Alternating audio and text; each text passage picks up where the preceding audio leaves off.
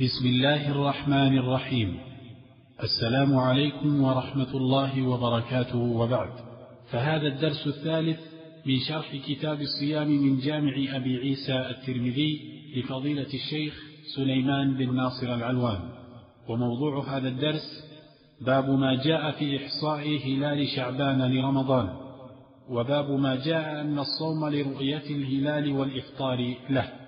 وقد ألقي في اليوم الثالث من شهر شعبان من عام 1424 الحمد لله رب العالمين والصلاة والسلام على نبينا محمد وعلى آله وصحبه.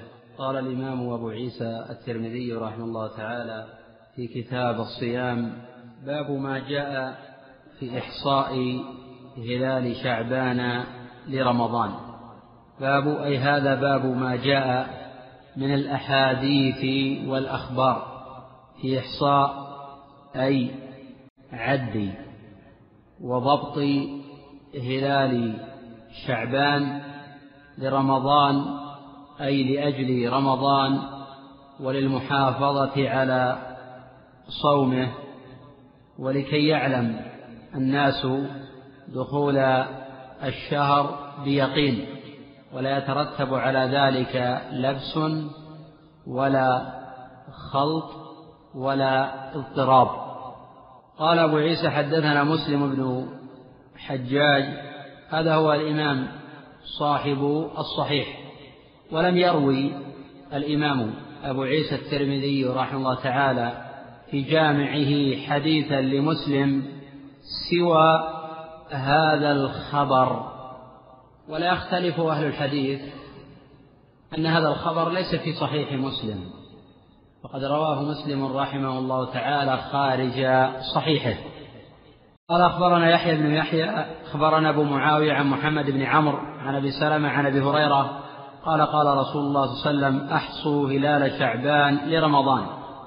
ظاهر الإسناد الصحة فرواته كلهم ثقات ما عدا محمد بن عمرو وهو صدوق ما لم يتفرد أو يخالف غير أن هذا الخبر معلول. فلا يلزم من ثقة الرواة صحة الإسناد. قال رواته ثقات وله علة. بل حين يقال إسناده صحيح لا يلزم منه صحة الخبر مطلقا إلا إذا عرف عن المحدث إطلاق هذه اللفظة على تصحيح الإسناد والمتن. حين يقال إسناده صحيح هو يتحدث عن الإسناد. قد يكون الخبر شاذا أو يكون المتن منكرا. قد اصطلح كثير من المتأخرين على إطلاق إسناد الصحيح على صحة المتن مع الخبر أو مع الإسناد. وأما إذا قيل إسناده حسن فأيضا على الاصطلاح. وإذا قيل رواته ثقات فهذا حديث عن الرواة. أبو عيسى الترمذي رحمه تعالى يقول عن هذا الخبر لا نعرفه مثل هذا إلا من حديث أبي معاوية. وقد قال الإمام ابن أبي حاتم رحمه الله تعالى في كتاب العلل سألت أبي عن حديث رواه أبو معاوية عن محمد بن عمرو بن علقمة بن وقاص الليثي عن أبي سلمة عن أبي هريرة أن النبي صلى الله عليه وسلم قال أحصوا هلال شعبان لرمضان. فقال أبي هذا خطأ. إنما هو محمد بن عمرو عن أبي سلمة عن أبي هريرة أن النبي صلى الله عليه وسلم قال لا تقدموا رمضان. قال أبو حاتم أخطأ أبو معاوية في هذا الحديث. أبو معاوية هو محمد بن خازم الضرير. احتج به الشيخان في روايته عن الأعمش لأنه من أوثق الناس في الأعمش.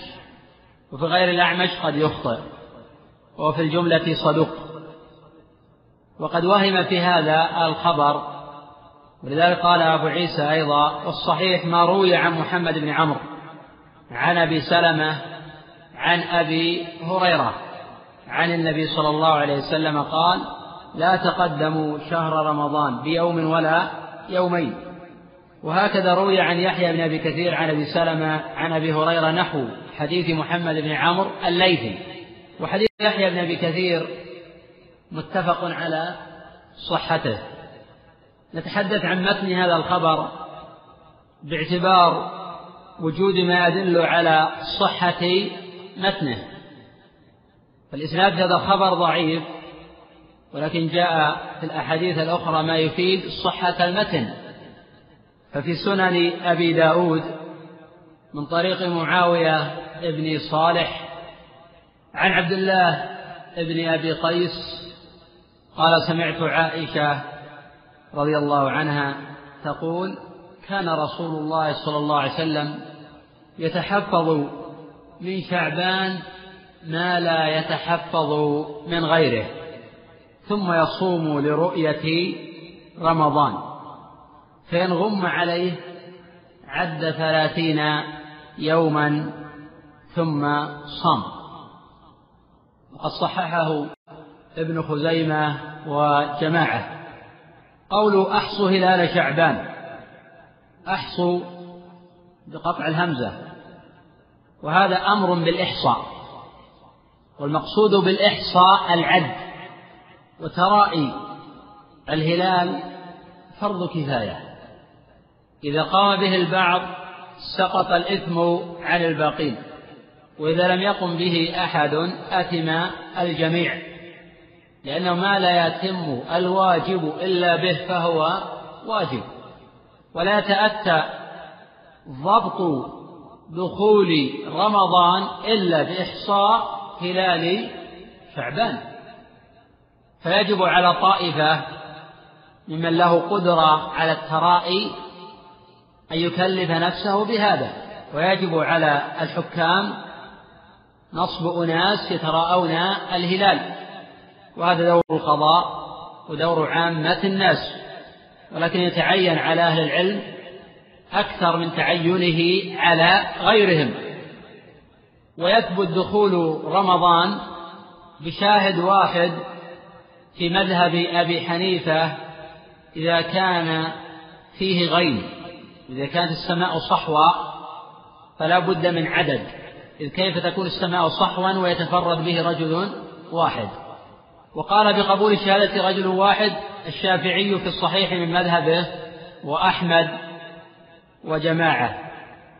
وقال مالك وغيره لا يدخل الشهر إلا بشاهدين وقال أبو حنيفة كما تقدم في التفصيل ونتحدث عن هذه المسألة إن شاء الله تعالى في بابها. الصحيح أنه يكتفى بدخول رمضان بشاهد واحد ما لم يتبين غلطه كما أشرت بالأمس أنه إذا دلت قرينة أن الهلال لم يولد وادعى شخص أنه رأى الهلال فيؤخذ بقول أصحاب الخبرة وأهل الحساب لأن الهلال لم يولد كيف رآه؟ هذه قرينة على تكذيبه وليس هو الاعتماد على مجرد الحساب. إنما هذه قرينة على أنه قد أخطأ في الرؤية. كما أننا نعتمد على المكبرات.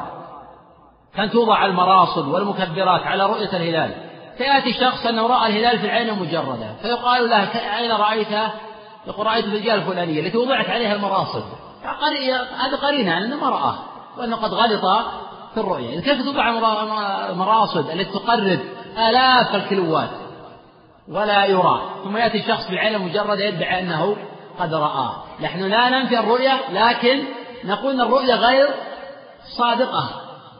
أن الرؤية في هذا المجال غير صادقة. وإلا فالأصل هو اعتبار الرؤية ولكن حين دلت قرينة على أن هذا الرأي قد غلط فنحن لا نقبل شهادته. قوله أحصوا هلال شعبان لرمضان. ففيه وجوب التحري وفيه وجوب الترائي ودلت على ذلك الأدلة الأخرى كقوله صلى الله عليه وسلم صوموا لرؤيته وأفطروا لرؤيته. القاعدة تقول ما لا يتم الواجب إلا به فهو واجب. وأفادت الرواية الأخرى رواية محمد بن عمرو رواية يحيى بن أبي كثير عن أبي سلمة عن أبي هريرة أن النبي صلى الله عليه وسلم قال لا تقدموا شهر رمضان. وتقدم شرحه بدرس الأمس وأنه يحرم تقدم شهر رمضان بيوم ولا يومين إذا كان لمعنى رمضان. أما من كان له عبادة يصوم يوما ويفطر يوما أو أراد يصوم كل شعبان إلا قليلا فيكون قد ترك صيام والإفطار فصام آخرة. أو كان عليه صيام قضاء أو صيام نذر أو كفارة فلا حرج من هذا. وفيه الشمولية هذه الشريعة. حيث لم تغادر صغيرة ولا كبيرة إلا ببيان وبتوضيح فإن الأحكام الشرعية لم توكل إلى الآراء وإلى الاجتهادات وإلى الأقيسة النصوص واضحة ولكن يبقى ما وراء ذلك من فهم النص ومعرفته وإلحاق النظير بنظيره وهذا دور العلماء وهذا هو الذي يميز العلماء عن غيرهم والعلماء يتفاوتون في هذا الباب.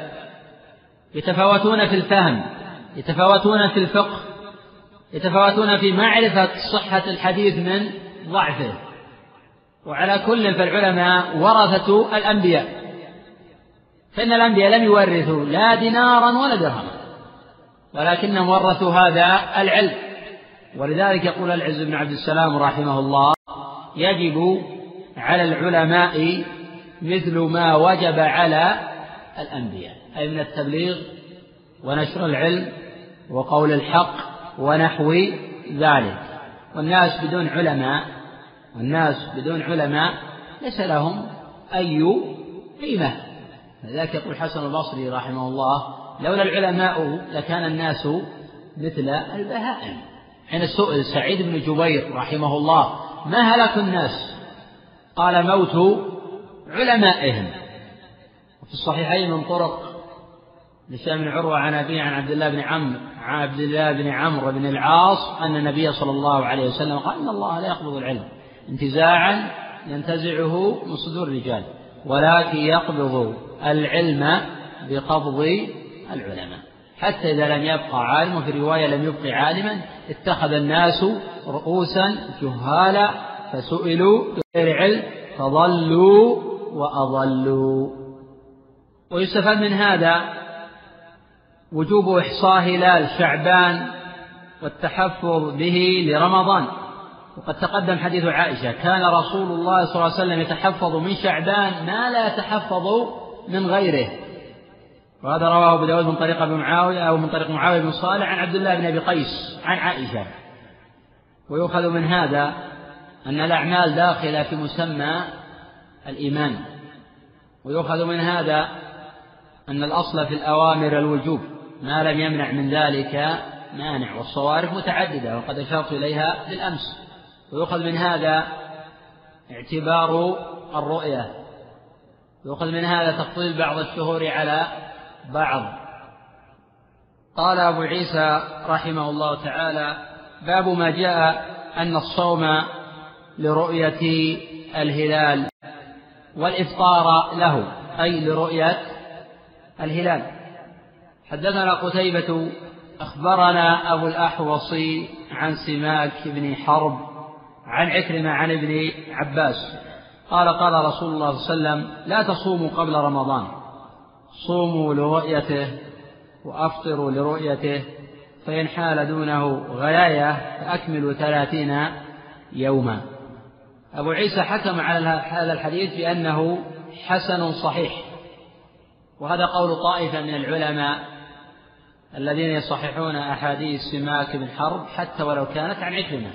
وقد قال علي بن المديني والإمام أحمد ويعقوب بن شيبة وطائفة من أكابر المحدثين سماك عن عكرمة مضطرب. وقد اختلف العلماء في سماك منهم من ضعف مطلقا ومنهم من ضعف باستثناء رواية الأكابر من أصحابه ومنهم من وثق مطلقا. باستثناء روايته عن عكرمة ولعله الأقرب إلى الصواب. فمرويات سماك عن عكرمة مضطربة. ولا يعني هذا أنه إذا روى سماك عن عكرمة مقبول مطلقا. قد يوجد اختلاف قد يوجد ضعف. ولكن ليس الضعف لازما له في غير عكرمة ولذلك قال الإمام أحمد رحمه الله تعالى حديث سماك عن عكرمة التقهي. قال ابن المديني مضطرب.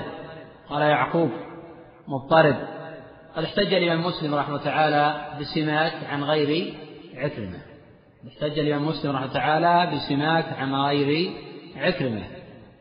والإمام أبو عيسى رحمه الله تعالى صحح حديث سماك ولا سيما هذا الخبر فإنه قد جاء من غير وجه وجاء بمعناه في صحيح مسلم من حديث ابن عباس أن النبي صلى الله عليه وسلم قال إن الله قد أمده لرؤيته. فإن أغمي عليكم فأكملوا العدة. وهذا يؤكد أن سماك بن حرب لم يغلط في هذا الخبر وأنه قد جاء من غير وجه عن ابن عباس وعن غيره من الصحابة رضي الله عنهم. ولكن يبقى تسجيل ومعرفة هذا الإسناد. بأنه ضعيف والعلة في أنه سماك عن عكرمة وإن جاء من وجه آخر صحيح فنصحح من الوجه الآخر الذي جاء في صحيح الإمام مسلم. قول قوله لا تصوموا قبل رمضان تقدم لا تقدم شهر رمضان بيوم أو يومين. وتقدم حديث العلا علامية عن أبي هريرة أن النبي صلى الله عليه وسلم قال إذا انتصف شعبان فلا تصوموا. تقدم تخريجه والحديث عنه. الأخ عبد الرحمن. من روى هذا الحديث أولا؟ نعم. حدثت عن إسناده وعن متنه. من روى أولا هذا الحديث؟ إذا انتصف شعبان فلا تصوموا جاء من رواية العلاء بن عبد الرحمن بن يعقوب الحرقي مولاهم عن أبي عن أبي هريرة. من روى البخاري أو مسلم. أكيد؟ نعم صحيح. أخرجه أهل السنن. درجته؟ درجة ضعيف من ضعفه؟ ومن صححه.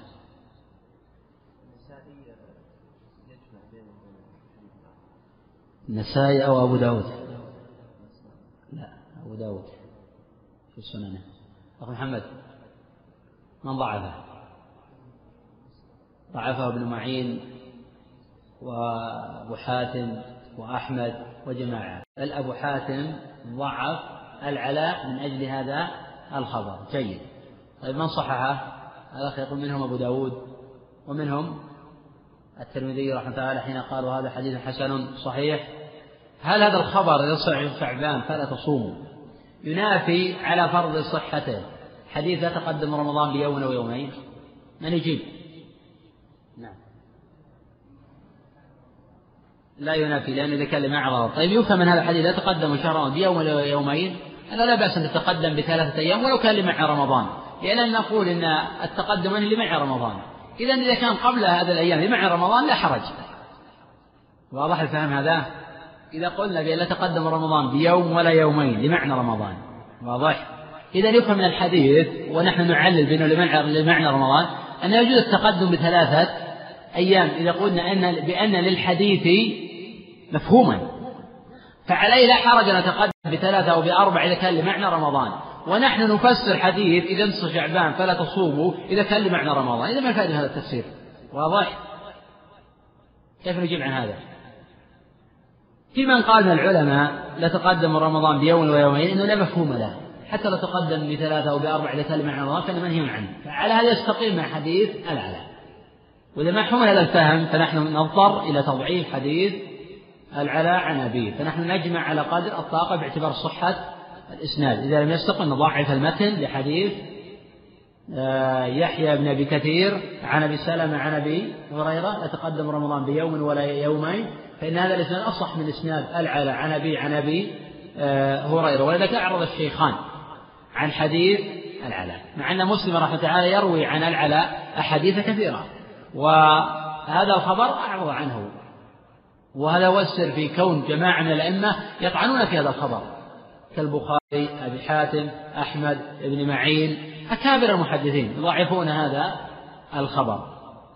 ويؤخذ من هذا الحديث إطلاق رمضان على شهر رمضان وأنه لا يلزم من ذلك تقدم لفظ شهر. وتقدم من الحديث الوارد لأن رمضان اسم اسماء الله ليس له إسناد يثبت وأنه منكر. لا حرج أن تقول شهر رمضان وتقول رمضان. قول صوموا لرؤيته. فيه اعتبار الرؤيا وأخذ منه الأئمة الأربعة رحمهم الله تعالى إبطال الحساب. وهذا رواية واحدة عن أبي حنيفة ومالك والشافعي وأحمد. حكي عن مطرف بن عبد الله وأنكر الإسناد ابن عبد البر لأنه يعتبر الحساب. وهذا قول ابن قتيبة وأبي العباس بن السريج من فقهاء الشافعية. ومنهم من قال لا يعتد بالحساب إلا في المسألة السابقة أنه إذا اتفق أهل الحساب على عدم إمكانية ولادة الهلال فادعى شخص أنه رآه نعتد بالحساب هنا ليس لذات الحساب. ولكن اتفاق هؤلاء على أن هذا الرأي قد أخطأ. ولا فلا نعتبر الحساب المعتبر في ذلك الرؤية. صوموا لرؤيته هذا أمر في وجوب اعتبار الرؤية. وأفطروا لرؤيته. هذا أمر في وجوب اعتبار الرؤية. ولأن الحساب قد يختلفون. وأخذ جماعة من العلماء أنه إذا رؤي في بلد لزم البلاد الأخرى الصوم. وهذا مروي عن طائفة من المالكية. وهم يتفردون بالوجوب عن بقية الأئمة الأربعة. حتى أن ابن عبد البر رحمه الله تعالى أنكر هذا وحكى الإجماع على خلافه لكن مذهب أحمد يقول تكفي الرؤيا في بلد عن البلاد الأخرى ولكن لم يقل بالوجوب وأنه إذا رؤي مثلا في بلادنا يجب على البلاد الأخرى الصوم ولكن قال يكتفى فرق بين مذهب أحمد وبين رواية الرواية منسوبة إلى مالك. منكم حفظ ما تقدم. هذا اختبار للحافظة أو كان مراجعا لدرس الباب. إذا رؤي في بلد عبد الرحمن نعم معك. بعد المذاهب المذهب الأول مذهب الإمام أحمد رحمه الله أنه إذا رؤي في بلاد تكفي الرؤية عن البلاد الأخرى. والمذهب الثاني ما حكي عن المالكية بأنه يجب إذا رؤي في بلد يصوم أهل البلاد الأخرى. المذهب الثالث أن لكل بلد رؤيته أن لكل بلد رؤيته وهذا مذهب ابن عباس والجمهور. ولم يحكي أبو عيسى في جامعه في جامعه قولا غير هذا. المذهب الرابع على حسب المطالع وهذا مذهب الشافعي واختاره شيخ الإسلام ابن تيمية رحمه الله تعالى. وفي عصرنا هذا وجد قول أن لكل مملكة يرأسها رجل رؤية آه، خاصة. وهذا قد يرجع إلى قول بأن لكل بلد آه، رؤيته.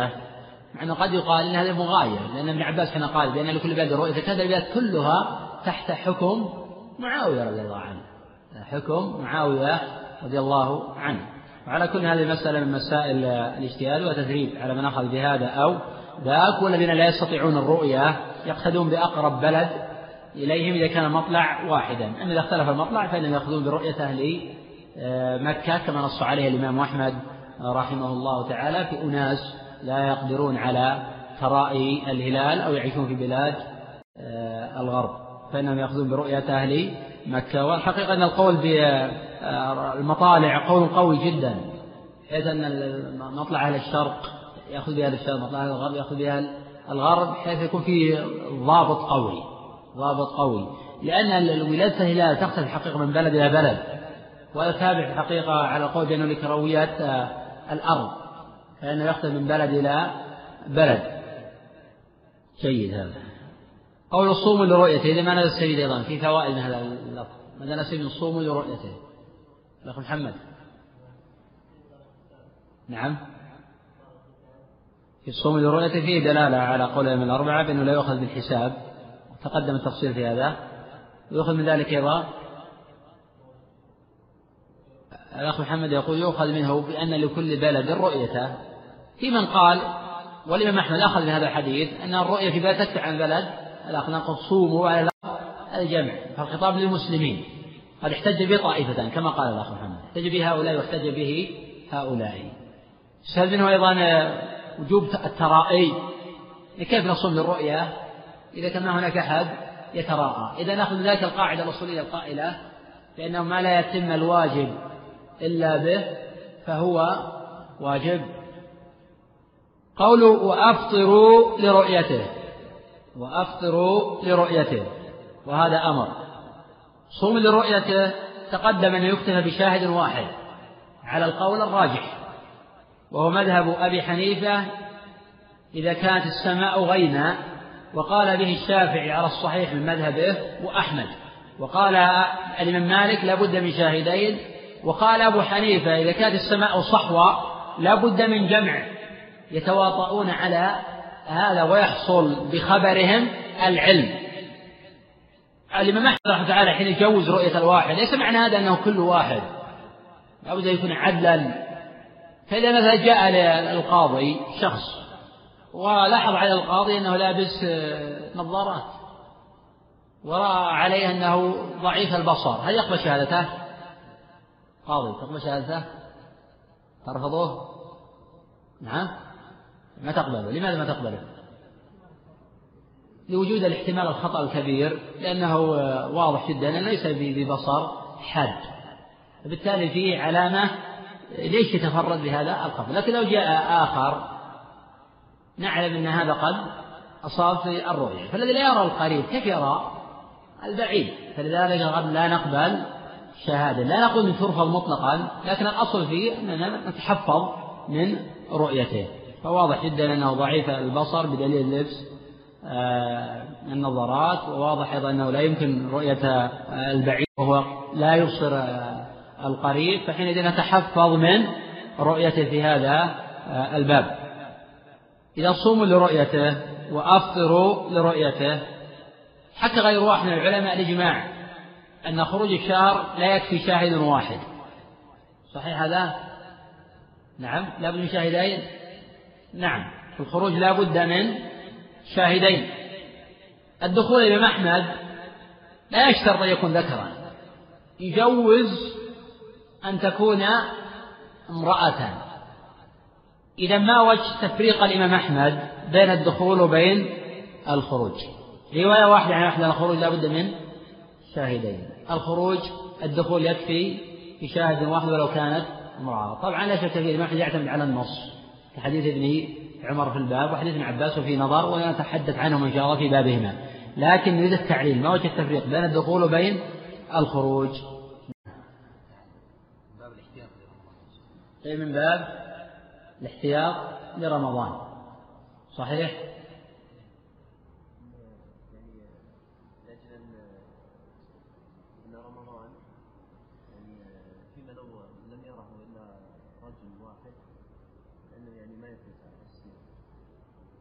يعني باعتبار أنه لا يضر. يستعجل دخوله ولكن يضر إذا تأخر في خروجه. ولكن هذا الاستعجال ليس معنى نقبل كل شهادة. على حسب الضوابط؟ الشرعية نعم. قوله فإن حالت دونه غياية. غاء بفتح الغين وفتح الياء. وفيه ياءان وهي السحابة. وفي من قال غيابة. وفي من قال غيابة بالباء الموحدة. والغيابة من الغيب. الغيابة من الغيب. وهو ما خفي عليك واستتر. وفي الحديث كأنهما غيايتان أو كأنهما غيابتان. والخبر في صحيح مسلم. فالغياية السحابة. فإن حالت دونه غياء فأكملوا ثلاثين يوما. هذا نص واضح. وشهد له حديث ابن عمر في البخاري وحديث أبي هريرة في البخاري فإن إذا حال دونه غيم نكمل العدة ثلاثين فلا نرجع ولا نعتمد على الحساب نعتمد على الرؤية. وقد قال ابن حجر وغيره من العلماء لا يختص هذا الحكم بإكمال شعبان بل هذا عام في بقية الشهور. إذا لم يرى الهلال نكمل كل شهر. ونحن نعلم أن الشهور لا يمكن تتواطى على التمام. وفي أنه يحرم صوم يوم الشك وفيه أنه يحرم صوم يوم الشك تقدم قول عمار من صام اليوم الذي يشك فيه فقد عصى أبا القاسم صلى الله عليه وسلم. وأن إسناده حسن أو صحيح وقد احتج به أو علقه البخاري رحمه تعالى مجزوما بالصحة إلى صلة وهو ابن زفر عن عمار. لأن النبي صلى الله عليه وسلم قال فإن حال دونه غيايا فأكملوا العدة ثلاثين ولم يأذن بالصيام. وتقدم من أكثر العلماء يقولون بأنه لو صام يوم الشك ثم تبين من رمضان لا يجزئ هذا اليوم عن رمضان لأن النية غير موجودة. فلا بد أن تكون النية جازمة بأنه من رمضان. وتقدم القاعدة والحديث عنها النية تتبع العلم ابن تيمية رحمه تعالى في هذه المسألة وأنه لو أصبح وتبين له أنه من رمضان ولم يعلم أنه يمسك ولا يقضي والجمهور يقول يقضي وجوبا وحكاه بعض العلماء إجماعا. وفي فوائد أيضا فأكملوا ثلاثين يوما. من فوائد الحديث؟ ماذا نستفيد من هذا المقطع؟ فإن حال دونه غيايا فأكملوا ثلاثين يوما. في غير ما تقدم ذكره وتقريره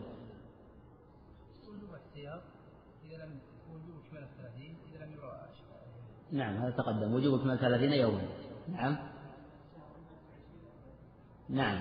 في دلالة واضحة أن الشهر قد يكون تسعة وعشرين وقد يكون ثلاثين وقد جاءت الأدلة الأخرى مصرحة بهذا وهي ما ستأتي إن شاء الله تعالى في جامع أبي عيسى الترمذي على قول صلى الله عليه وسلم الشهر تسع وعشرون. في دلالة نعم أن الشهر قد يكون تسعا وعشرين وقد يكون ثلاثين. وفي دلالة أيضا واضحة على ضرورة ترائي الهلال. لأنه إذا حال دونه غيم إذا ما يتأتى الرؤية. إذا ما حال دونه غيم إذا تتأتى الرؤية. نعم. نعم. فيها الأخ يقول فيها الأخذ بالأحوط والخروج من الخلاف. من أين أخذنا هذا؟ أو ما وجه هذه الفائدة؟ نعم فأكملوا. هنا أخذ الحقيقة ليس بالأحوط إنما هو باليقين. لما لم تحصل رؤية نرجع إلى الأصل. والأصل ما هو؟ إكمال الشهر. ثم أن الأخذ بالأحوط هل هو على إطلاق يعني إذا اختلف العلماء في قول من الأقوال هل هو على إطلاق نأخذ الأحوط؟ طبعا الناظم يقول وأن الأورع الذي يخرج خلافه ولو ضعيفا فاستبني. لكن تارة بعض الناس يخرج يريد يأخذ بالأحوط فيخرج عن السنة. وتارة يختلف العلماء نعم كما تفضل الأخ في مسألة خلافية فالأحوط يعمل بهذا خروجا من الخلاف بما يضره. وتارة تستبين السنة فلا وجه إذا الأحوط بعد ظهور آه، السنة ولأن الأحوط أن تعمل بالسنة. ولا يتأتى القول يقال الأحوط على خلاف آه، السنة هذا غلط. إذا الحقيقة نعتبر هذا يقينا. إلا باعتبار الأحوط على بناء على خلاف العلماء كابن عمر أنه يصبح آه، صائما لأن الأحوط الإنسان يأخذ بهذا.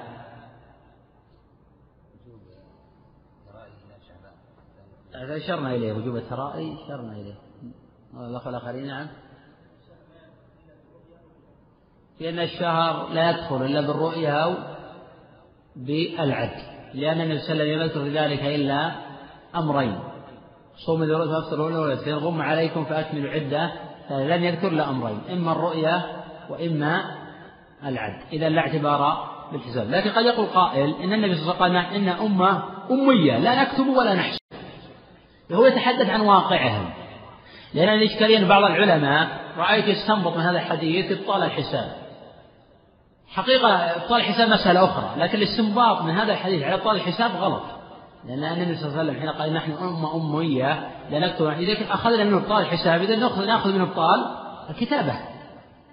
إذا أخذنا منه إبطال الحساب نأخذ من إبطال الكتابة. إذا نأخذ إبطال الحساب من أدلة أخرى. أما من هذا الحديث نحن أمة أمية لا نكتب ولا نحسب. نأخذ من إبطال الحساب هذا غير صحيح. لأن هذا خبر عن واقعهم.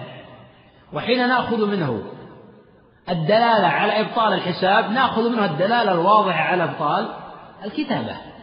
إذا نأخذ إبطال الحساب من الأدلة الأخرى بالضوابط آه، السابقة. ولكن من حكى الإجماع على أن الحساب باطل هذا غير مصيب لأن الخلاف محفوظ. ومن قال بأن الحساب ضرب من الكهانة أو الشعوذة أو التنجيم هذا غير مصيب. هذا معروف في آه، الدراسة. في فوائد في بقية فوائد نعم نعم. نعم في قاعدة الأخ يقول. نأخذ منه قاعدة. أن اليقين لا يخرج عنه إلا بيقين مثله. ما هو اليقين عندنا في هذا الباب؟ الأخ عليه نعم هو إتمام الشهر. لا نقول أن لا نأخذ إلا بشاهد أو بشاهد الدخول نأخذ من خلال شعبان بشاهد الدخول على رأي الإمام أحمد أو بالإتمام. إذا هذا اليقين. إذا لا نخرج عن اليقين إلا بيقين مثله.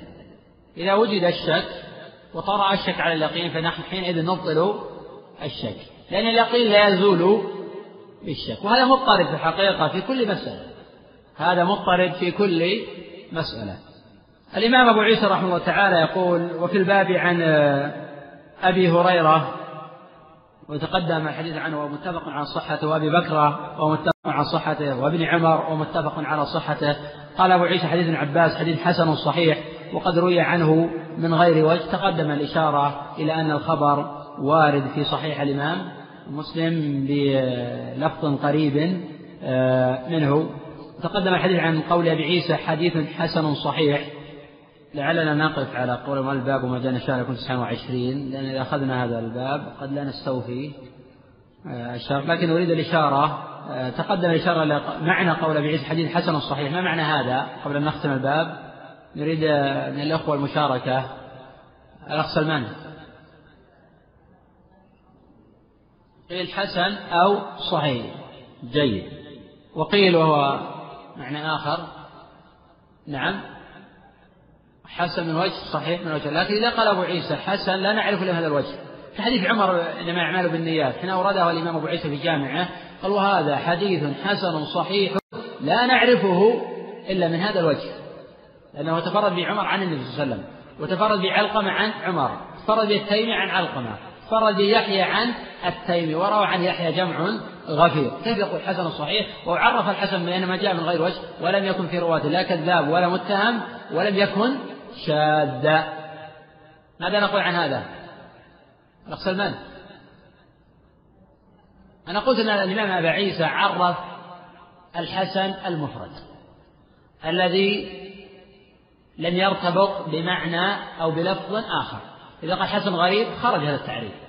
حسن صحيح خرج هذا التعريف. ولذا قد يقول حسن المتن صحيح آه، أو يقول حسنا عند طائفة صحيحا عند طائفة آه، أخرى. إذا نقف على هذا ننظر في أسئلة الأخوة. نعم.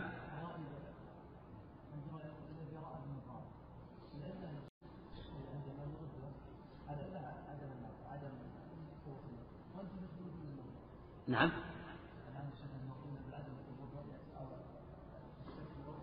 آه، الرجل الذي عليه نظارات. نعم. انه قرينة على أنه ما يبصر بقوة لأن الهلال بعيد جدا. إذا كان لابس قد نظارات لا يبصر القريب فكيف يبصر البعيد لكن النظارة مهما كان لا تقرب البعيد. ونحن ما قلنا يقطع رد شهادته. قلنا هذه قرينة على عدم إمكانية الرؤية طيب أين الإخوة الذين ليس يدركون؟ ويبصرون ومع هذا ما يرون الهلال. يعني مهما لبس العبد من النظارات فإذا كان لضعف بصر لا مكان لن تكون أقوى من بصر الآخرين. ولذلك أنا قلت أيضا من القرائن أن الشخص لو ادعى وهو مبصر وقوي حد البصر أنه قد رأى الهلال ثم سئل عن رؤيته فقال أبصرت في الموقع الفلاني. ثم تبين أن أصحاب المراصد قد وضعوا مراصدهم على هذا المكان ولم يرى. هذه قرينة على أن الرؤيا غلط عنده.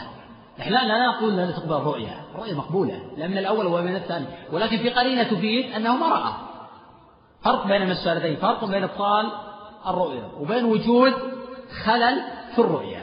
لأن المراصد تقرب الآلاف. فلماذا لم يرى وهو قد رآه؟ هذه قرينة على أن الرؤيا غلط. ليست دلالة على إبطال الرؤيا أو عدم وجود قبول أو عدم قبول شهادة من يلبس آه، النظارات. لا نرد شهادته نقول في قرينة. إذا توجد القرينة على قبول قبلناه. نعم.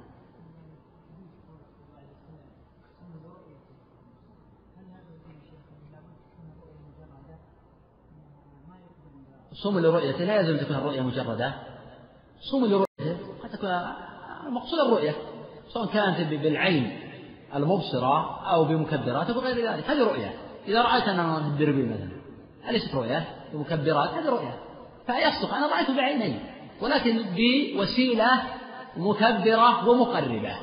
فلا يخالف هذا الحديث صوم لرؤيته لأن ما صوم لرؤيته بالعين المجردة. ولا تقبل شهادة من رأى بغير عين مجردة. النبي أتى بلفظ عام وهذا من جوامع الكلم. صوم لرؤيته بالعين المجردة. أنا رأيته بعين المجردة. ولكن العين المجردة بوسيلة تستعين بتقريب البعيد بتكبير الصغير. نعم.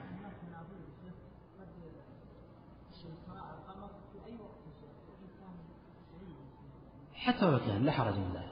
إذا وجد هذا لا حرج من ذلك. استعانة بالمراصد لا حرج من ذلك. نعم. على خلق. نعم.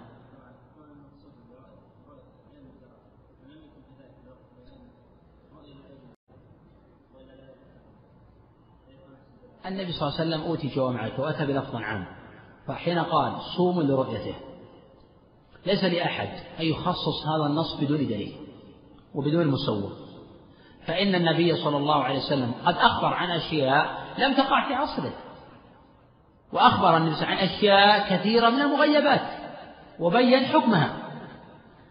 فالنبي صلى الله عليه وسلم حين أتى بهذا النص أصوموا لرؤيته وأفطروا لرؤيته سواء كان بالعين المجردة أو بغير ذلك ما دامت الرؤية فلا حرج من الاستعانة بوجود ما يقوي الرؤية ويكبر الصغير. فليس لأحد أن يقيد النص يقول بالعين المجردة. ما هو الدليل على أن الرؤية بالعين المجردة؟ فنحن نأخذ بعموم النص حتى يثبت ما يقيده والأصل عند الأصوليين الأخذ بالعموم والأخذ بالمطلق حتى يثبت ما يقيد هذا ويخصص ذاك. وأصل الأخذ بعموم النص. ثم أيضا في الحقيقة أنا رأيت بالرؤية التي أمر بها النبي صلى الله عليه وسلم بها. صح هذا رؤية ولكن استعانة بوجود ملكة كما أن الإنسان يستعين يصعد فوق جبل يصعد يصعد فوق العمائر الشاهقة. لماذا هو يستعين بالصعود على العمائر؟ إذا الذي يستعين بالصعود على الشيء العالي نفس الشيء. أنا أستعين بوجود ما يكبر الصغير ويقرب آه، البعيد. هذا سؤال من الإخوة. يقول هل الذي يستحلم وهو صائم الصائم يفطر علم بأنه كان قبل النوم يفكر في الجماع ويتمنى ذلك. يعني الأخ يقصد بأنه يفكر ويتمنى يستحلم ليستفرغ آه، الشهوة ويذهب ويزول ما في نفسه ولكنه لم يعني يحرك.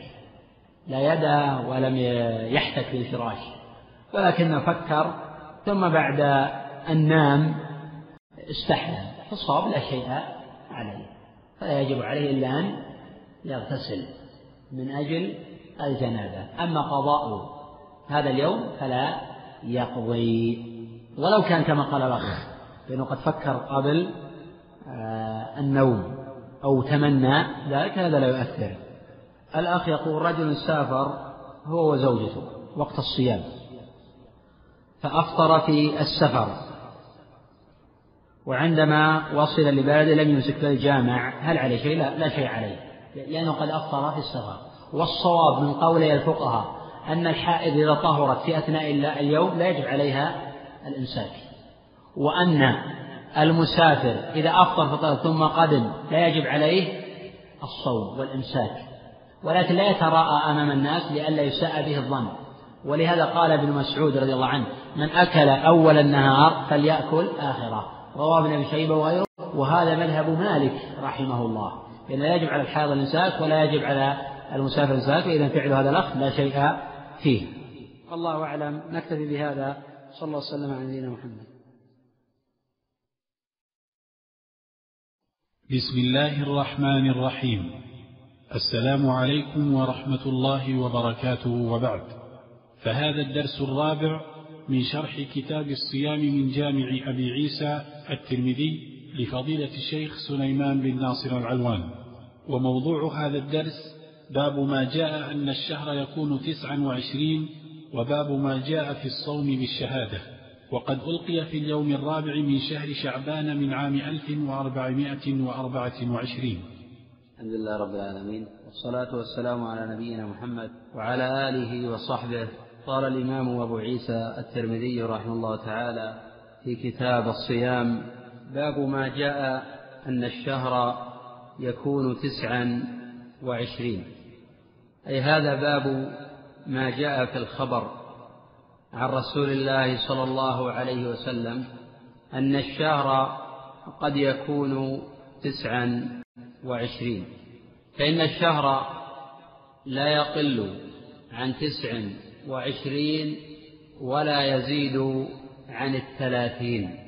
فتارة يكون ثلاثين يوما وتارة يكون تسعا وعشرين يوما.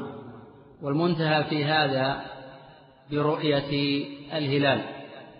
فإذا رؤي الهلال ليلة الثلاثين وإلا فيجب إكمال العدة. لقوله صلى الله عليه وسلم فأكملوا عدة شعبان ثلاثين رواه البخاري وغيره ولقوله صلى الله عليه وسلم فأكملوا العدة. جاء هذا عن جمع من الصحابة كابن عمر في البخاري وغيره وكابن عباس في مسلم وجماعة من الصحابة رضي الله عنهم. أورد المؤلف رحمه الله تعالى تحت هذه الترجمة حديثين. الأول حديث أحمد بن منيع قال أبو عيسى حدثنا أحمد بن منيع أخبرنا يحيى بن زكريا ابن أبي زائدة قال أخبرني عيسى ابن دينار عن أبيه عن عمرو بن الحارث ابن أبي ضرار عن ابن مسعود قال ما صمت مع النبي صلى الله عليه وسلم تسعا وعشرين أكثر مما صمنا ثلاثين. هذا الخبر لم يحكم عليه الإمام أبو عيسى رحمه الله تعالى. ورواته ثقات استثناء دينار والد عيسى. فقد روى له البخاري في خلق أفعال العباد وأبو داود والترمذي. وذكره ابن حبان رحمه الله تعالى في ثقاته. ويختلف الحكم بين ذكر ابن حبان الراوي في الثقات وبين النص على توثيقه.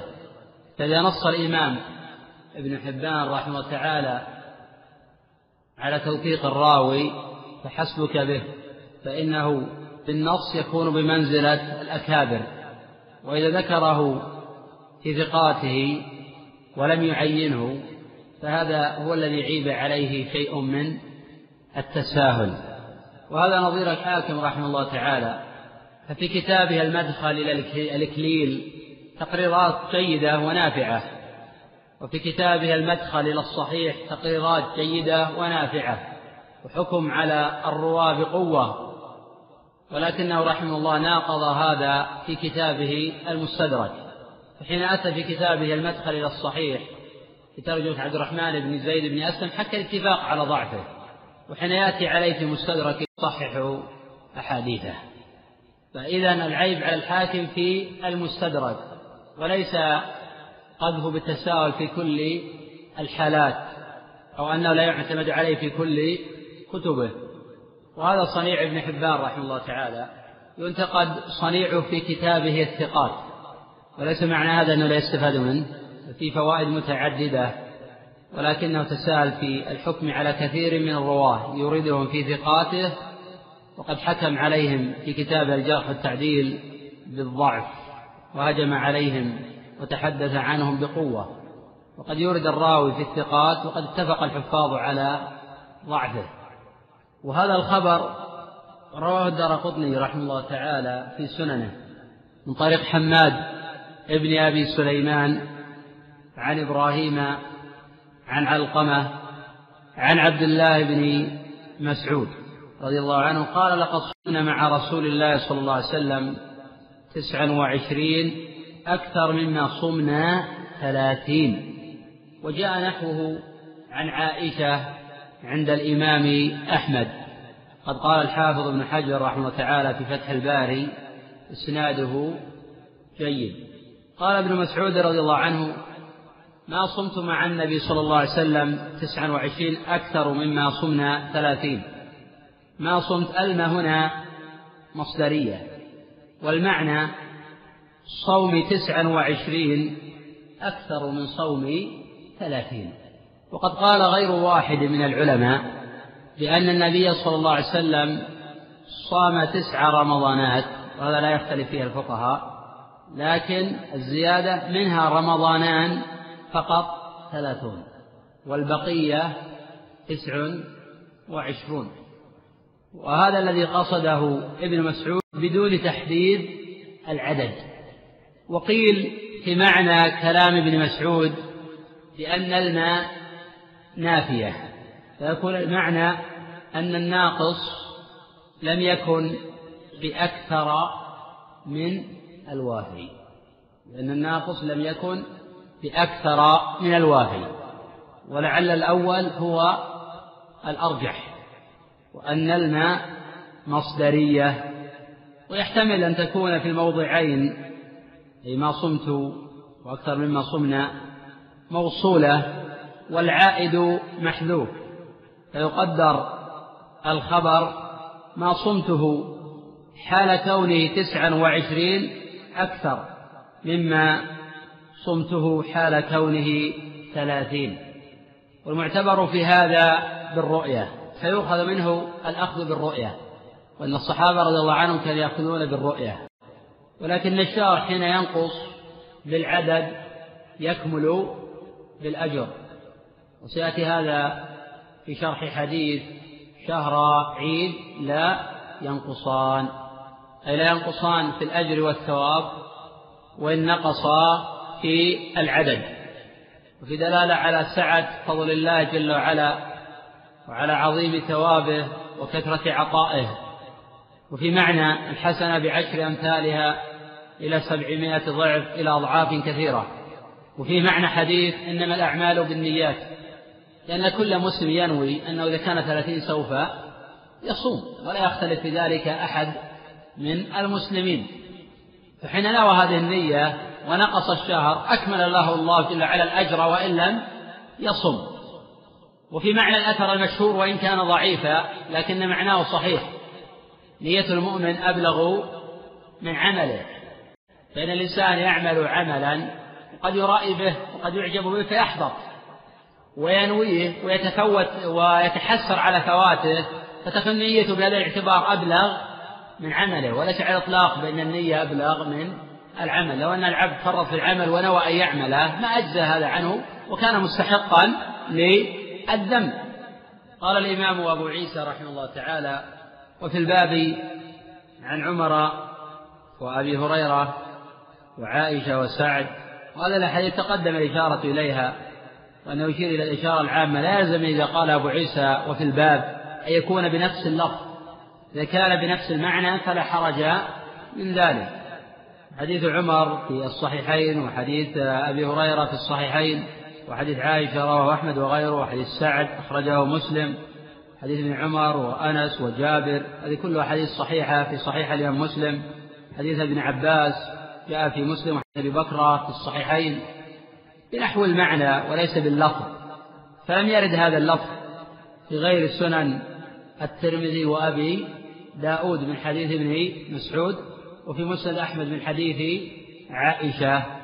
وتقدم الطريق الآخر طريق حماد بن أبي سليمان عن إبراهيم عن علقمة عن عبد الله. هذا رواه الدار قطني رحمه الله تعالى في سننه. قال الإمام أبو عيسى رحمه الله تعالى حدثنا علي بن حجر أخبرنا إسماعيل بن جعفر عن حميد عن أنس أنه قال آل رسول الله صلى الله عليه وسلم من نسائه شهرا.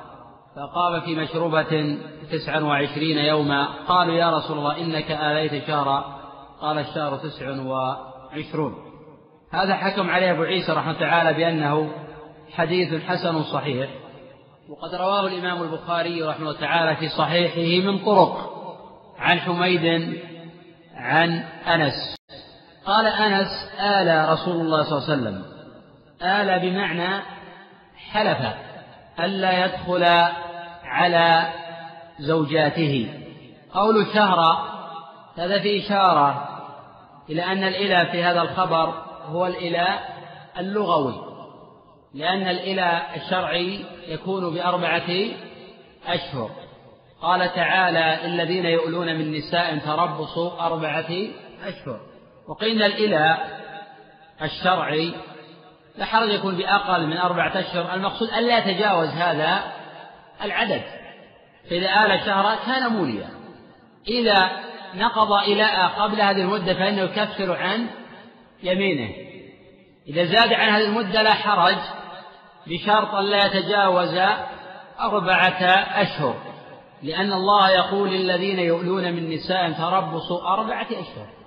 فإن فاءوا فإن الله غفور رحيم. وإن عزموا الطلاق فإن الله سميع عليم. إذا تجاوز أربعة أشهر فإن القاضي يوقفه ويأمر بالعدل. والرجوع إلى الزوجة والانتصاف لها. فإن امتنع لزمه أن يطلق لأن هذا إلحاق ضرر بالمرأة. والتحديد بأربعة أشهر لأن هذا هو أكثر ما تصبر المرأة عن زوجها. وحين كان أمير المؤمنين عمر بن الخطاب رضي الله عنه يتجول في شوارع وأسواق المدينة سمع امرأة تنشد تطاول هذا الليل واسود جانبه وأرقني ألا حبيب ألاعبه. فوالله لولا الله أني أراقبه لزعزع من هذا السرير كوانبه فدعا عمر رضي الله عنه بابنته حفصة فقال كم أكثر ما تصبر المرأة عن زوجها؟ فقالت أربعة أشهر. فقال والله لا أحبس الجيش أكثر من هذا. فكان زوجه خرج غازيا مجاهدا في سبيل الله. هذا الأثر رواه سعيد المنصور وغيره بسند قوي. وروى البيهقي رحمة تعالى في السنن الكبرى. فهذا الأثر مع تحديد الإله بأربعة أشهر إشارة إلى أن المرأة لا تصبر أكثر من أربعة أشهر عن زوجها ما دام في ذمتها لأن النفس توقع إلى ذلك. وهذا ليس نصا لكنه يفهم منه. فإذا زاد على الأربعة أشهر ربما يعرض المرأة للوقوع في الحرام من الفاحشة أو شبهها. فإذا يلزم بالفيئة أو بالطلاق. ويؤخذ من هذا تأديب الرجل زوجته في الهجر ونحوه.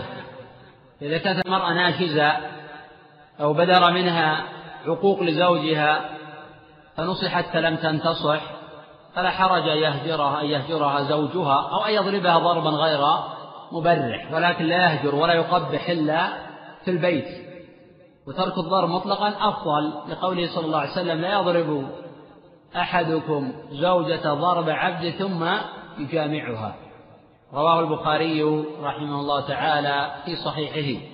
العفو أفضل ولكن إذا لم يحصل استقامة لإعوجاج المرأة فلا حرج أن الزوج يستعمل كل أسلوب لإصلاحها. وحذاري حذاري من التعجل بلفظ الطلاق فإن الأمور لا تعالج بالطلاق. فلو أن الرجل رجل يعالج المرأة بالطلاق لاحتاج في كل يوم إلى امرأتين أو ثلاث المرأة ليست سلعة تباع وتشترى يطلق ويتزوج. ولذلك قال صلى الله عليه وسلم لا يفرك مؤمن مؤمنة. لا يفرك مؤمن مؤمنة. إن كره خلقا رضي آخر. ما الضواب؟ نعم. اتفق عليه؟ أنا أقول لا. ما أدري. اجزم نعم صحيح. هذا خبر من أفراد مسلم عن البخاري. قوله شهرا. لم يحدد النبي صلى الله عليه وسلم الإله بثلاثين يوما أو بتسعة وعشرين يوما. حدد الإله بالشهر. ومن هذا القبيل من عليه كفارة صيام شهرين متتابعين. فإذا كان الشهر الأول تسعة وعشرين فإنه لا يزيد يوما لأن الله جل وعلا ما ذكر ستين يوما ذكر شهرين متتابعين. ولو قدر اتفق أن الشهرين ناقصان فلا حرج. ولا يحتاج إلى زيادة يومين. لأن النبي صلى الله عليه وسلم قال الشهر تسع وعشرون. إذا صدق عليه أنه صام شهرا وأنه آل شهرا. قوله فأقام في مشروبة تسعا وعشرين يوما. المشروبة فتح الميم وسكون الشين وضم الراء مشروبة.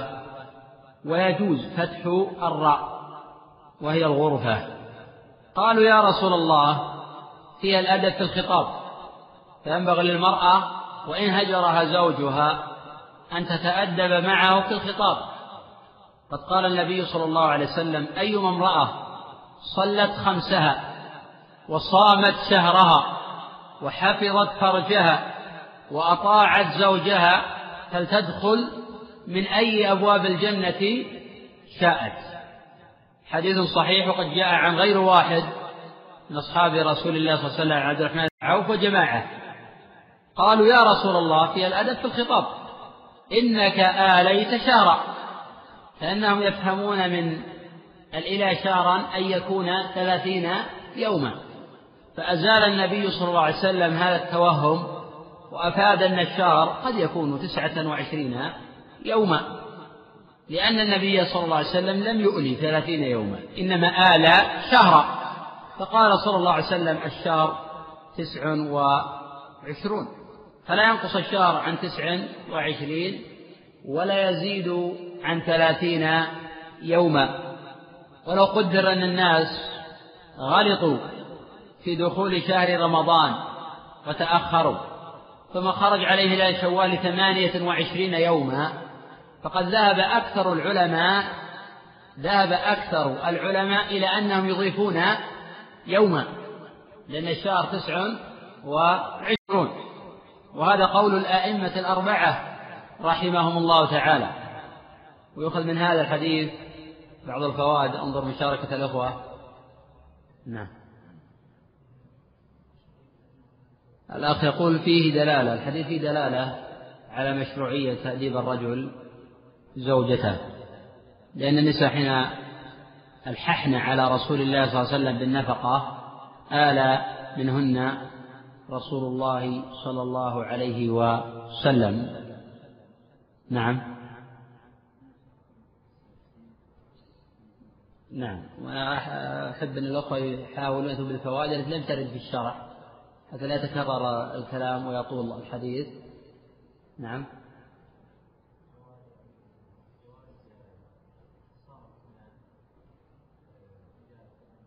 المقصود.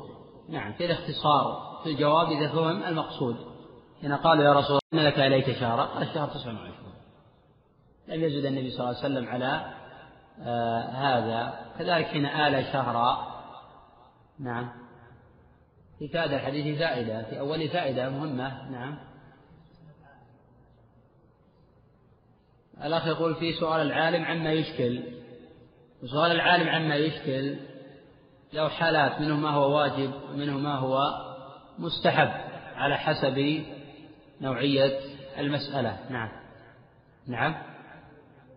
لا لا يلزم من هذا. إن الرجل يؤذي من زوجته على حسب ما يراه رادعا آه، لها. قد يهجر يوما له يومين ثلاثة. ويهجر أنواع قد يهجر بالكلام وقد يهجر بالفراش وقد يهجر بالكلام والفراش مع. نعم. ما وجه هذا؟ لفظ نسائه. في التعدد من أو تعدد الزوجات. وهذا واضح من واقع الحال. واضح من واقع الحال. لكن النبي صلى الله عليه وسلم يختص بأكثر من أربع. والأمة لا تتجاوز آه، أربعا كما أفتى بذلك ابن عباس وأجمعت الأمة على هذا باستثناء ما نقل عن الزيدية والرافضة وغير هؤلاء. وهؤلاء لا يعتد بهم في مسائل الخلاف. نعم.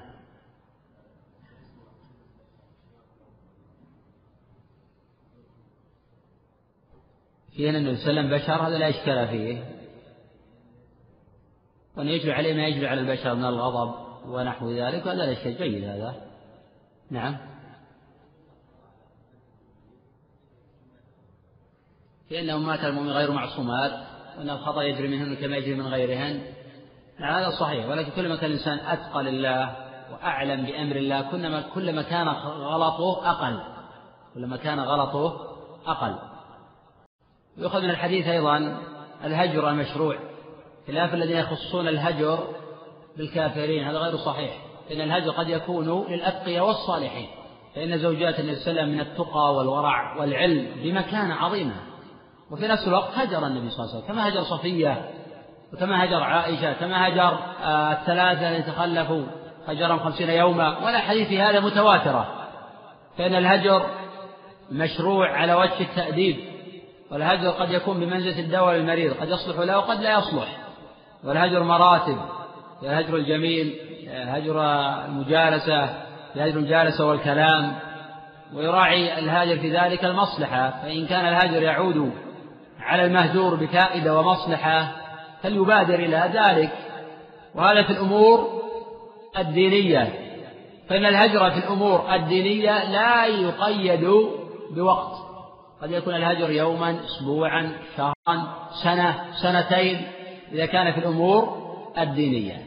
أما إذا كان الهجر في الأمور الدنيوية فلا يجوز تجاوز ثلاثة أيام.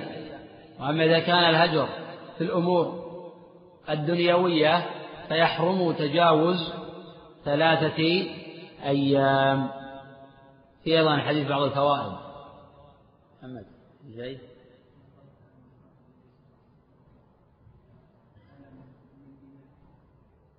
نعم بلا شك لأن الإله كان لزوجة النبي ولم يكن للإماء وأن الآية صريحة والحديث صريح في هذا. نعم. لا يلزم من ذلك. لا يلزم أن يكون الضرب آخر الحلول. قد يكون الهجر أجدى من الضرب.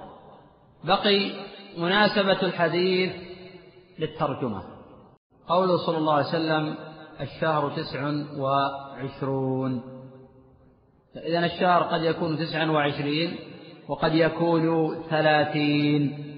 وفي أن من نذر أن يصوم شهرا فكان الشهر تسعا وعشرين فإنه يجزئه وأن من صام كفارة شهرين متتابعين فلو نقص الشهران فإن الصيام يجزئه ولكن لو حلف أن يصوم ثلاثين يوما يجب أن يصوم ثلاثين يوما.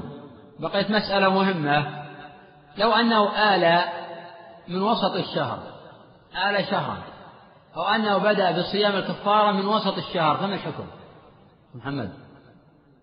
نعم يتم ثلاثين. نعم. هذا الأقرب إلى الصواب بأنه يتم ثلاثين يوما. لأنه ما آل من أول الشهر ولا بدأ بالصيام من أول الشهر. فلما بدأ من وسط الشهر ومن آخر الشهر لا يعتد بالنقص ويحتمل الاعتداد بالنقص. فيكون النصف الذي صامه من النصف الأخير الذي بقي. فإذا نقص الشهر فكأنه صام خمسة, خمسة عشر يوما. وهذا في الحقيقة أيضا قول قوي. وهذا في الحقيقة قول قوي بهذا المعنى وهذا الفهم. باعتبار أنه لما صام خمسة عشر يوما باعتبار أربعة عشر يوما لكن صام خمسة عشر يوما في الحقيقة. لأن هذا بقية الشهر والأصل أن بقية الشهر يكون النصف.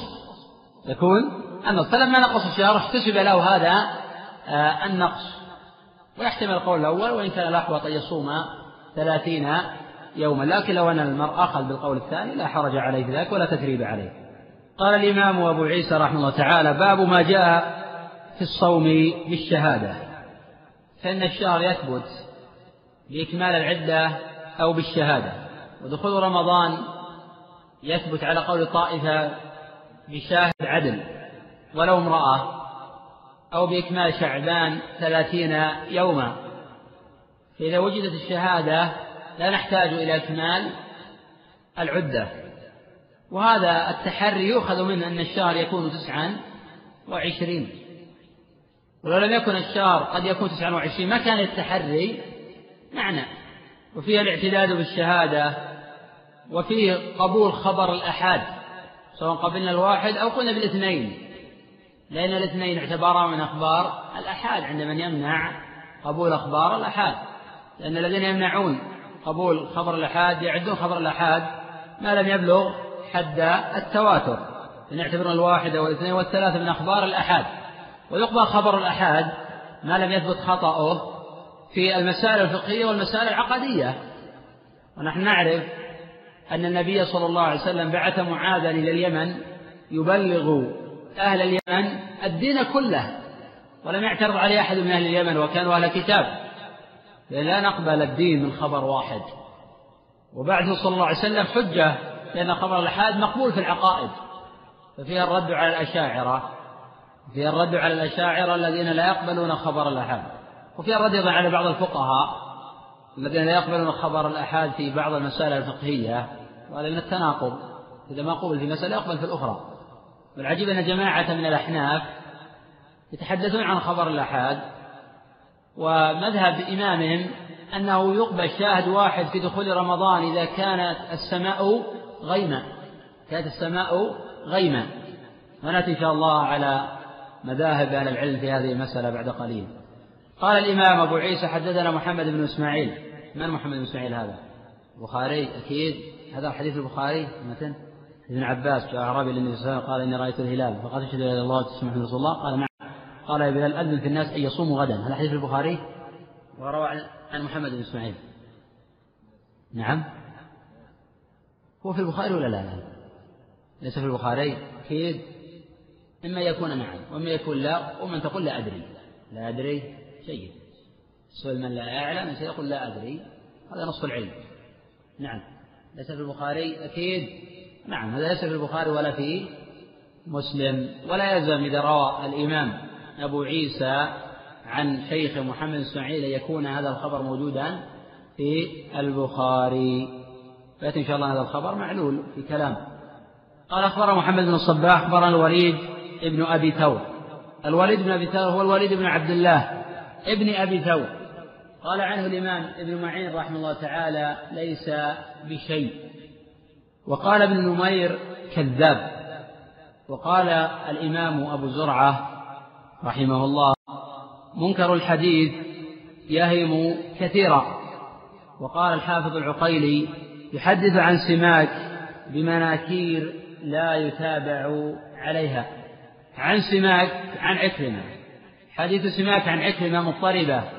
قال ذلك ابن معين والإمام أحمد ويعقوب بن شيبة وغير هؤلاء الأئمة. وفي علة ثالثة الآن في علتان العلة الأولى ضعف الوليد. العلة الثانية سماك عن عكرمة ضعيف. العلة الثالثة أن الحفاظ يرونه عن سماك بن حرب عن عكرمة عن النبي صلى الله عليه وسلم بدون ذكر ابن عباس ولعل هذا هو الأقرب. العلة الأولى ممكن نقول بأنها منتفية لأنه لم يتفرد به الوليد عن سماك. وقد روى سفيان الثوري وحماد وجماعة عن سماك بن حرب. وإلى هذا أشار أبو عيسى قال حدثنا أبو كريب أخبرنا حسين الجعفي عن زائدة عن سماك بن حرب نحوه. فلم يتفرد به الوليد. قال أبو عيسى حديث ابن عباس فيه اختلاف. وروى سفيان الثوري وغيره. أي كحماد. عن سماك بن حرب عن عكرمة عن النبي صلى الله عليه وسلم. مرسلا. وأكثر أصحاب سماك رووا عن سماك عن عكرمة عن النبي صلى الله عليه وسلم مرسلا. وقال أبو داود رحمه الله تعالى في سننه رواه جماعة عن سماك عن عكرمة مرسلا. وقال الإمام النسائي رحمه الله تعالى هذا أولى بالصواب. هذا أولى بالصواب. قوله جاء أعرابي. الأعرابي هو من سكن البادية وإذا سكن الحاضرة انتفى عنه وصف الأعرابية وتعلقت به أحكام الحاضرة. هذا الأعرابي أتى إلى النبي صلى الله عليه وسلم فقال إني رأيت الهلال يعني هلال رمضان وواضح أن الشاهد واحد ولم يذكر غيره وأنه أعرابي لم يكن من أكابر الصحابة. فقال له النبي صلى الله عليه وسلم أتشهد أن لا إله إلا الله أتشهد أن محمدا رسول الله في أن الإسلام شرط في قبول الشهادة. لم يقل له النبي صلى الله عليه وسلم أتشهد أنك رأيت الهلال. لا يشترط رؤية الهلال بلفظ الإشهاد إنما أراد النبي صلى الله عليه وسلم يتأكد من إسلامه. ولم يقل له النبي صلى الله عليه وسلم تأتي بشاهدين يزكيانك. هذا أمر ليس له أصل. وإن كان قد يؤخذ من بعض الأبواب ومن بعض المصالح العامة في بعض المسائل الحاجة إلى ذلك ولا سيما حين يشك بالرجل أو لا سيما في مسائل الحقوق والأمور المتعلقة بالآخرين. نأخذ من هذا الحديث أن الإسلام شرط لقبول الشهادة. يشترط أيضا عند الجمهور العدالة الظاهرة. اختلف الفقهاء في العدالة الباطنة على قولين عندهم. قال نعم أي قال الأعرابي نعم أشهد أن لا إله إلا الله وأشهد أن محمدا رسول الله. فقال النبي صلى الله عليه وسلم يا بلال أذن في الناس. المقصود بالأذان هنا هو الإعلام وليس هو الأذان المعروف بألفاظ مخصوصة في زمان مخصوص. المقصود بالأذان الإعلام أي نادي فيهم وأعلمهم أن يصوموا غدا. هذا الحديث كما تقدم بأن الإسناد ضعيف وأنه لا يصح ولا مرسلا وأن سمات بن حرب عن عكرمة مضطرب الحديث ولكن نتحدث عن متن باعتبار ارتباطه بمسألة مهمة جاءت أدلة أخرى في هذا المعنى ولما بحاجة إلى فقه هذه هذا الباب ومعرفة أحكام الشهادة ومن تقبل شهادته ومن لا تقبل شهادته. نتحدث عن ذلك على قول أبي عيسى رحمه تعالى قال والعمل على هذا الحديث عند أكثر أهل العلم قالوا تقبل شهادة رجل واحد في الصيام. أي ذهب الجمهور. الإمام أحمد في أصح الروايتين والإمام الشافعي في أصح القولين عنه وجماهير الأئمة إلى أن تقبل شهادة رجل واحد في الصيام. لحديث الباب وهو ضعيف ولحديث ابن عمر. رواه أبو داود وغيره من طريق مروان بن محمد عن عبد الله بن وهب عن يحيى بن عبد الله بن سالم عن أبي بكر بن نافع عن أبي عن ابن عمر رضي الله عنهما. قال تراءى الناس الهلال. فأخبرت رسول الله صلى الله عليه وسلم أني رأيته فصام وأمر الناس بصيامه. ورواه ابن حبان في صحيحه. وقال الإمام أبو محمد بن حزم رحمه الله هذا خبر صحيح. فتقبل شهادة رجل واحد في دخول الصيام. وقال الإمام أحمد رحمه الله تعالى ولو كان امرأة ولو كان الشاهد امرأة إذا كانت عدلة قبلت شهادتها. ومن رأى الهلال وردت شهادته فقد قيل بأنه يصوم سرا. وهذا أحد القولين عن الإمام أحمد رحمه الله. وقيل بأنه لا يصوم لاحتمال خطأ وأنه يصوم مع المسلمين. صومكم يوم تصومون وفطركم يوم تفطرون. وهذا اختاره طائفة كبيرة من العلماء. قال أبو عيسى رحمه تعالى وبه يقول ابن مبارك والشافعي وأحمد أي تقبل شهادة رجل واحد في الصيام؟ وأحمد أي في رواية عنه. قال أبو عيسى وقال إسحاق لا يصام إلا بشهادة رجلين. وهذا مذهب مالك. ورواية عن الإمام أحمد وهو أحد القولين عن الإمام الشافعي إن لم يكن الصحيح عنه.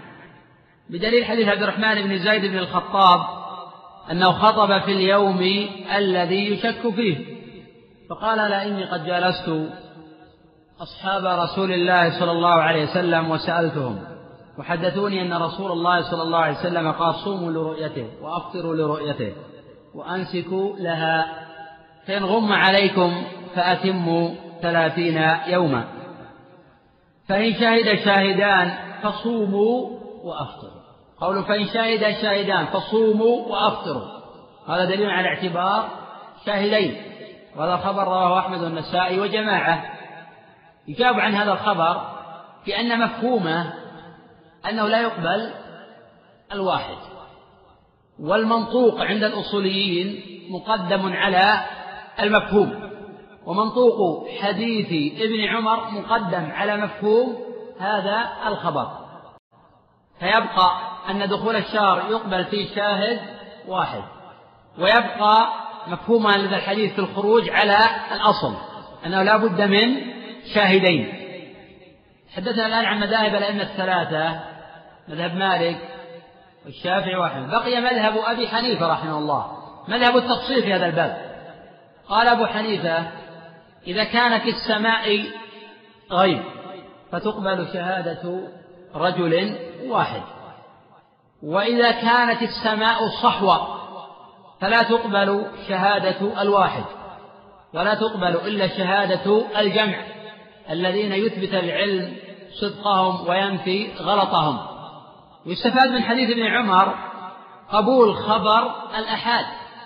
يستفاد من حديث ابن عمر قبول خبر الأحاد. تقدم أنه يقبل في العقائد وفي المسائل الفقهية. قد يعرض عارض لا نقبله ولكن ليس لذات أنه واحد. إما لفسقه أو لتبين غلطه أو غير ذلك. وأخذ من هذا بعض الفقهاء لأن زيادة الثقة تقبل مطلقا وهذا في نظر. صواب أن زيادة الثقة لا تقبل مطلقا ولا ترد مطلقا صواب من قولي أو من مذاهب المحدثين أن الزيادة تقبل بالقرائن وترد بالقرائن. فلا نقبله مطلقا ولا نردها مطلقا وهذا مذهب أو هذا صنيع البخاري وأحمد وأكابر المحدثين. ويؤخذ من حديث ابن عمر مشروعية ترائي الهلال. لقول ابن عمر تراءى الناس الهلال. وفي مشروعية الإعلام حين الرؤية. وفي أن الإمام يأمر من ينادي بالصيام. وفي أن من رأى الهلال لا يأمر الناس بالصيام. لا بد أن يرجع إلى أهل الشأن. لا بد أن يرجع إلى أهل الشأن من العلماء والقضاة ونحوهم. ممن له حق الأمر بالصيام.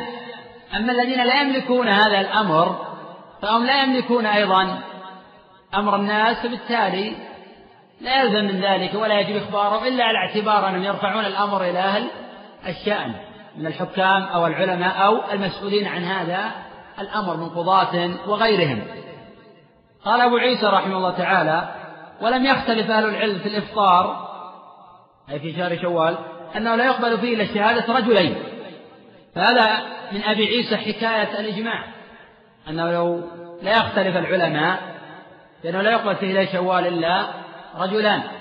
وهذا الإجماع ينتقض بقول الإمام أحمد رحمه الله تعالى يقبل في هلال شوال عدل واحد بموضع ليس فيه غيره. بموضع ليس فيه غيره. وحكي عن أبي ثور أنه يقبل في هلال شوال عدلا واحدا كهلال رمضان. وقد قال بعض فقهاء الشافعية لو قلت بما قاله أبو ثور لم أكن مبعدا ولكن نبقى في الحقيقة على قول الجمهور ولكن أردت بهذا الكلام أن أؤكد أنه ليس في المسألة إجماع هذا من التدقيق الفقهي ولا كحكم شرعي لا نقبل هلال شوال إلا بشهادة رجلين ولكن أردت بهذا أن أؤكد أن المسألة ليس في أجماع وأن العالم الكبير قد ينقل الإجماع ولا يكون هذا الإجماع صوابا ولا دقيقا. نقف على قول أبي عيسى باب ما جاء شهر عيد لا ينقصان. انظر في أسئلة الأخوة. الأخ يقول هذا سائل من أمريكا يقول هل الحجامة تفطر أم لا؟ طبعا في خلاف في كون الحجامة تفطر أم لا. ونأتي إن شاء الله على هذه المسألة في بابها. ولكن باعتبار أن السائل سأل نجيب على سؤاله. اختلف الفقهاء رحمة تعالى في الحجامة هل تفطر أم لا؟ على ثلاثة مذاهب. المذهب الأول أن الحجامة تفطر وهذا المشهور في مذهب الإمام أحمد لحديث أفطر الحاكم والمحجوم. المذهب الثاني أن الحجامة لا تفطر ولكنها مكروهة. المذهب الثالث أن الحجامة لا تفطر وتجوز بدون كراهة ما لم تضعف. وهذا قول الجمهور. ذهب الجمهور إلى أن الحجامة لا تفطر. وغير خاف علي أن بعض العلماء الأكابر يحكي عن الجمهور أن الحجامة تفطر كشيخ الإسلام ابن تيمية وهذا غير صحيح. وهذا النقل غير دقيق. الذي ذهب إليه الجمهور من الصحابة والتابعين والأئمة المتبوعين أن الحجامة لا تفطر وهذا هو الصواب. وحين سئل أنس أكنتم تكرهون الحجامة للصائم؟ قال لا إلا من أجل الضعف. رواه الإمام البخاري رحمه الله تعالى في صحيحه وقال أبو سعيد الخدري, الخدري رخص للصائم في الحجامة والقبلة رواه ابن خزيمة في الصحيح. والرخصة لا تكون إلا بعد عزيمة على قول طائفة من الأصوليين. فهذا يعتبر ناسخا لحديث أفطر الحاجم والمحجوم. وهذا الذي نصره الإمام الشافعي. بأن كون الحجاب مفطرا الحكم هذا منسوخ. وبدليل حديث عبد الرحمن بن أبي ليلى قال حدثني بعض أصحاب رسول الله صلى الله عليه وسلم أن النبي صلى الله عليه وسلم نهى عن الحجامة والمواصل للصائم ولم يحرمهما إبقاء على أصحابه فيحتمل يحمل النهي على الكراهية إذا كانت مضعفة. وبحديث ما جاء في البخاري أن النبي صلى الله عليه وسلم احتجم وهو صائم. وهذا الحديث وإن كان في البخاري في خلاف طويل جدا في صحته. ولكن هذا الحديث في مجموعة يفيد أن الحجامة لا تفضل الصائم بالتالي. أن سحب الدم في نهار رمضان لا يفطر الصائم. هذا السؤال أيضا من كندا. يقول نشهد الله على حبكم وحبك الله الذي أحببتني فيه جزاك الله خيرا. الأخ يقول هل يجوز للرجل أن يداعب زوجته عندما تكون تعمل في المطبخ مثلا وقد عاد من العمل وأراد أن يقوم بلمس أجزاء من جسمها؟ هل هذا مفطر؟ عائشة رضي الله عنها تقول كان الرسول صلى الله عليه وسلم يباشر وهو صائم المباشرة قطعا بما دون الجماع. فيفهم من هذا أنه لا حرج أن يلمس الرجل زوجته وهو صائم أو وهي صائمة أو كلاهما آه، صائمان.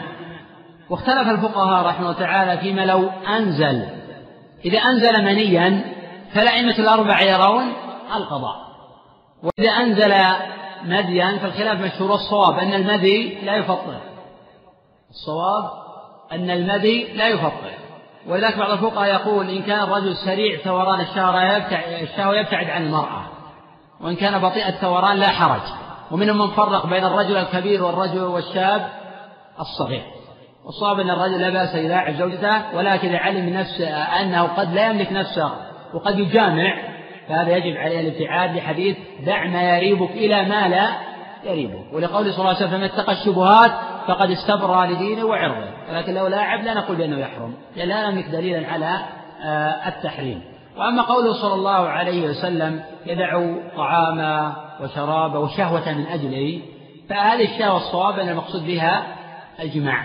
المقصود بها آه، الجماع. هذا السائل آه، من بريطانيا. يقول السلام عليكم ورحمة الله السلام ورحمة الله وبركاته. يقول أنا أعمل في شركة ولدينا موظفون مدخنون ولا نستطيع منعهم ولا نستطيع أن نترك مكان العمل وقت تدخينهم. هل يبطل صيامنا صيامنا في دون مجرور؟ مع العلم أننا لا نستطيع تجنب هذا الوضع إلا بأن نترك هذا العمل. صاب أن إصابة الغبار أن الإنسان إذا أصابه غبار أو دخان ودخل أنفه من غير تقصد من الصواب أنه لا يفطره. وهذا الذي نصره شيخ الإسلام ابن تيمية رحمه الله تعالى. ولأن الصحابة رضي الله عنهم في أيام الشتاء ما كانوا يمتنعون عن إيقاد النار ويصيبهم دخانها. ولذلك جاز ابن تيمية رحمه الله تعالى البخور للصائم وله جرم. يعني يقصد التطيب به. ممكن نقول الإنسان عقد الطاقة يحاول أن لا يستنشقه.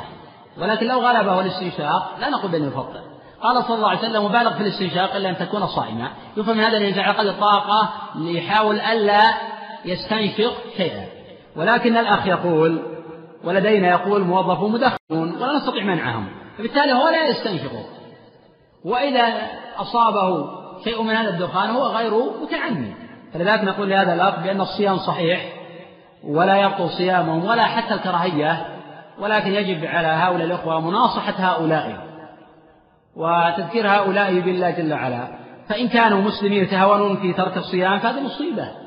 وإن كانوا من الكافرين على أقل تقدير يجب احترام واقع المسلمين والذين معهم على أقل تقدير إذا استطاع هؤلاء الأخوة إذا دخن الذي يعمل يفارق العمل وقت التدخين ثم يرجع إذا قدر على ذلك فلا حرج من إذا ما قدر فنقول لا يكلف الله نفسا إلا وسعها. وعموما الجو الفقهي في أن هذا لا يفطر.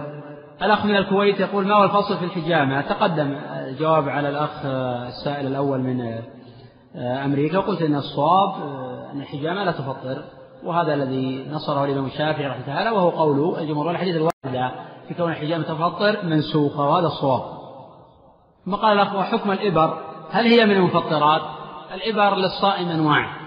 الإبر للصائم أنواع. النوع الأول أن تكون الإبرة مغذية حتى تقوم مقام الأكل والشرب. الصواب أن هذه الإبرة مفطرة.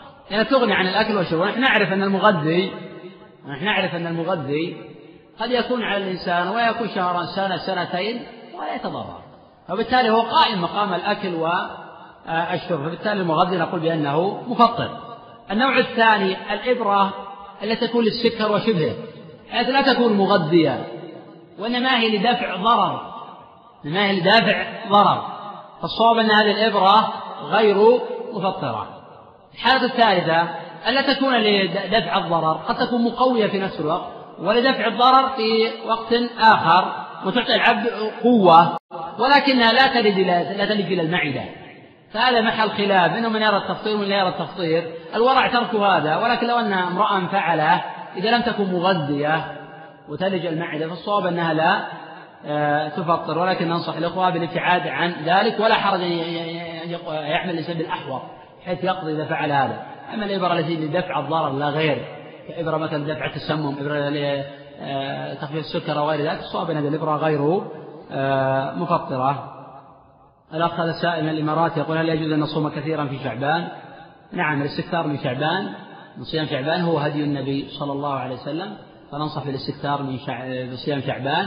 وقد قالت عائشة كان الرسول صلى الله عليه وسلم يصوم شعبان كله إلا آه، قليلا. هذا دليل على مشروعية الاستكثار من صيام شعبان. الأخ هذا من مصر يقول أنا أسافر إلى الصعيد من مصر أربعة أيام في الأسبوع. والمسافة تتجاوز الثمانين كيلو مترا. هل أفطر؟ مع العلم أن هذا السفر على مدار العام. صواب أن السفر لا يحد بالمسافة وأنه يرجع في ذلك إلى العرف.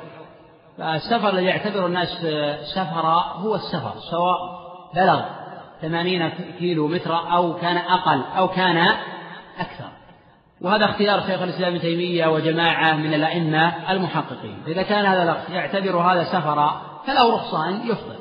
وإذا كان لا يعتبر هذا سفرا بل يذهب في يوم ويرجع في يومه ويعتبر أنه ذهب إلى قضاء حاجة ويرجع. فالصواب أنه لا يترخص برخص السفر. وطائفة من العلماء يعتبرون السفر بأربعة برود وهذا قول الجمهور. فإذا كان هذا الأخ من أهل العلم أو من أهل الاجتهاد أو قلد مجتهدا من الذين يأخذون بتحديد المسافة فلا تثريب عليه. الذي يحددون المسافة أربعة برد وهي تبلغ ثمانين كيلو متر أما إذا كان لا يعني ليس من أهل الاجتهاد ويريد يقلد فننصح هذا الأخ بأنه يأخذ بقول من يقول بأن السفر لا يحدد بالمسافة وأنه يرجع في ذلك إلى العرف. فبالتالي نعتبر هذا الأخ غير مسافر إذا كان يعتبرون هذا في عرفهم غير سفر وأن يعتبرون يذهبون ويرجعون في يومهم. بالتالي لا يترخص برخص آه، السفر. الأخ من الرياض يقول أحبك بالله أحبك الله حفظني فيه. يقول ما حكم يدرب يدرب الطفل على الصوم؟ هذا جيد وقد كان الصحابة رضي الله عنهم يأمرون الصبيان بالصيام هذا في البخاري وفي غيره.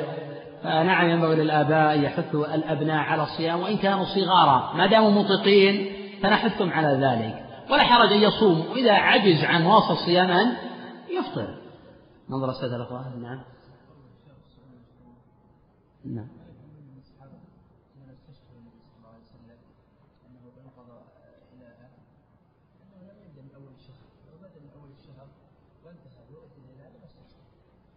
لا في الحقيقة لما قال شهر تسع وعشرون. في دلالة واضحة أن النبي سأل من أول الشهر. لأنه قالوا يا رسول الله الشهر ثلاثون يعني بقي يوم. ولم يعلموا بطلوع هذا الشهر. وبهلول فقال الشهر يعني أن الشهر نقص. ولم يكن لهم علم بأنه قد نقص. نعم.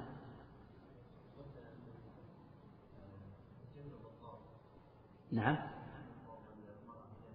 اي نعم. هو هو الأصل نعم. فاضربوهن الله لما قال فاضربوهن أنا قلت إن الافضل تجنب ضرب المرأة الآخر يقول كيف نجمع بين هذا؟ وبين قول التي فاضربوهن الله هذا إذن بالضرب وليس استحبابا أو أمر إيجاب. بدليل قوله صلى الله عليه وسلم لا يضرب أحدكم زوجة ضرب عبده ثم يجمع هذا في البخاري. النبي صلى الله عليه وسلم قال خيركم خيركم لأهله. والله أعلم نكتفي بهذا. صلى الله وسلم على نبينا محمد.